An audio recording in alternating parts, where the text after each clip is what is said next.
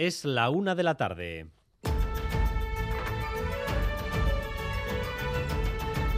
Crónica de Euskadi con Dani Álvarez.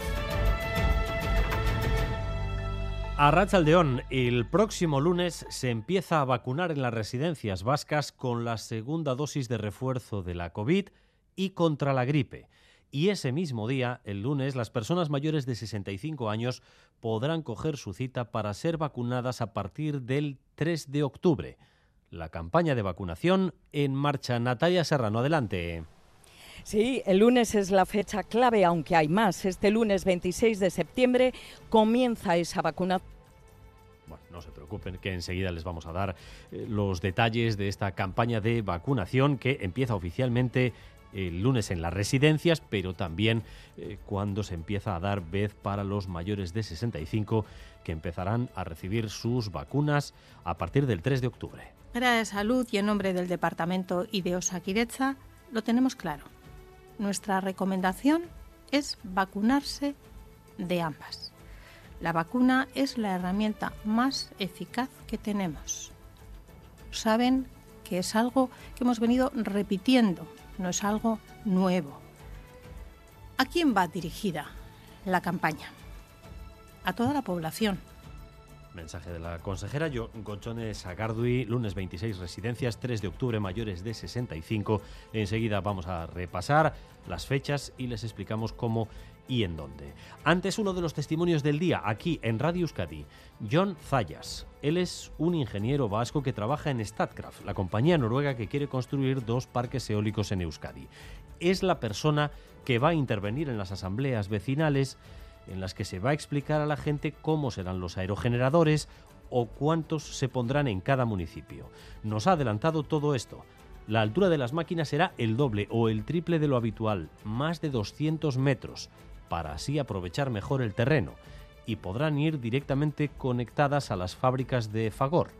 Donde más se colocarán será en el municipio de Aramayo, 7 serían unos 205 metros de altura y luego de diámetro estamos hablando de unos 170 metros de diámetro. Tiene una ventaja que al aumentar la potencia unitaria de cada, de cada aerogenerador disminuyes la cantidad de aerogeneradores que necesitas.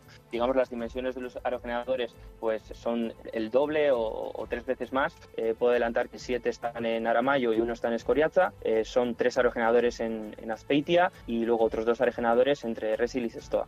Galicia se une a la fiesta de los impuestos, pero solo un poquito. No suprime patrimonio, sino que lo rebaja al 50%.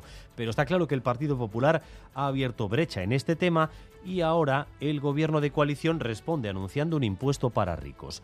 A falta de que se concrete, hemos detectado que en algunas asesorías vascas, contribuyentes que se llevaron su domicilio a Madrid para no pagar patrimonio, ahora están inquietos con este nuevo impuesto.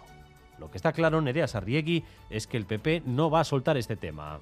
Sí, y que el gobierno está decidido, habrá impuesto a las grandes fortunas. Son, insisten, quienes más pueden aportar en este momento. Será temporal y la intención es que se empiece a aplicar a los millonarios a partir del 1 de enero. El objetivo de Hacienda, ante los movimientos de las comunidades del PP, es, dicen, compensar el agujero que dejará en esos territorios la eliminación del impuesto sobre el patrimonio y avisan, no todos tienen la capacidad de Madrid. El PP habla ya de izquierda carnívora.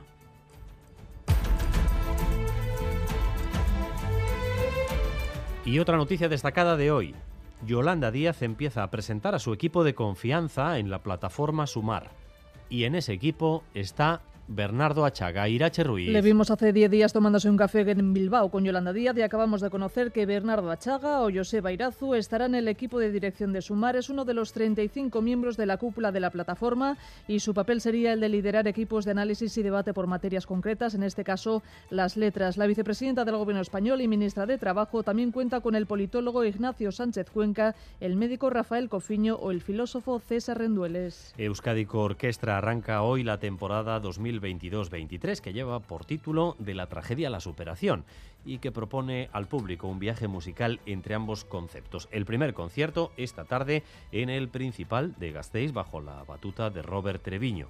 La formación interpretará la trágica e impactante Sinfonía número 8 de Sostakovich y también Las noches en los jardines de España de Manuel de Falla con Alexei Bolodín al piano. Oriol Rock es el director de Euskadi Orquestra. Tenemos una orquesta que cada vez tiene una excelencia mayor, con incorporación de nuevos miembros, con una altísima calidad y por tanto la orquesta hoy en día tiene ese reconocimiento en Euskal Herria que yo creo que es una consecuencia lógica, ¿no? Y vamos también con lo más destacado del deporte con César Pérez Cazolaz. Arracha León César. Arracha Don Dani, la polémica sigue acompañando en este inicio de temporada el fútbol femenino, después de la inicial huelga de las árbitras que retrasó el comienzo de la Liga F, el descontento de los clubes por el elevado coste económico de las tarjetas. La última es la renuncia de 15 jugadoras, entre ellas Amayu Sarriegui, Nereiz Aguirre o Ainhoa Moraza, a jugar con España si continúa el actual seleccionador. Hoy, por cierto, debuta Iñaki Williams, el futbolista del Athletic, con la selección de Ghana. Se mide a Brasil en Francia. En baloncesto, esta tarde comienza la Euskal Copa femenina en Tolosa. Primer partido, IDK Araski. En balonmano cita hoy para Vidasoa con la Liga Sobal. Si ganan al Atlético Valladolid en Artaleco, dormirán líderes los Irundarras. Primer día del otoño, el cambio de estación llega con cambio, porque a medida que va transcurriendo la jornada, las nubes van ganando protagonismo. Esta tarde en Navarra podrían formarse tormentas. Las máximas, a, partir, a, pesar de que están bajando, se mantienen en valores muy suaves, rondando los 19-20 grados prácticamente en todo el país. Y en cuanto al tráfico, ahora mismo precaución en un punto según el Departamento de Seguridad. En la A8 en Zaldívar, sentido Bilbao. Hay un camión averiado que ocupa un carril, Zaldívar A8 sentido Bilbao, por un camión averiado. Gracias un día más por elegir Radio Euskadi y Radio Vitoria para informarse. Raúl González y José Ignacio Revuelta están en la dirección técnica, Aitziber Bilbao en la coordinación. Crónica de Euskadi con Dani Álvarez.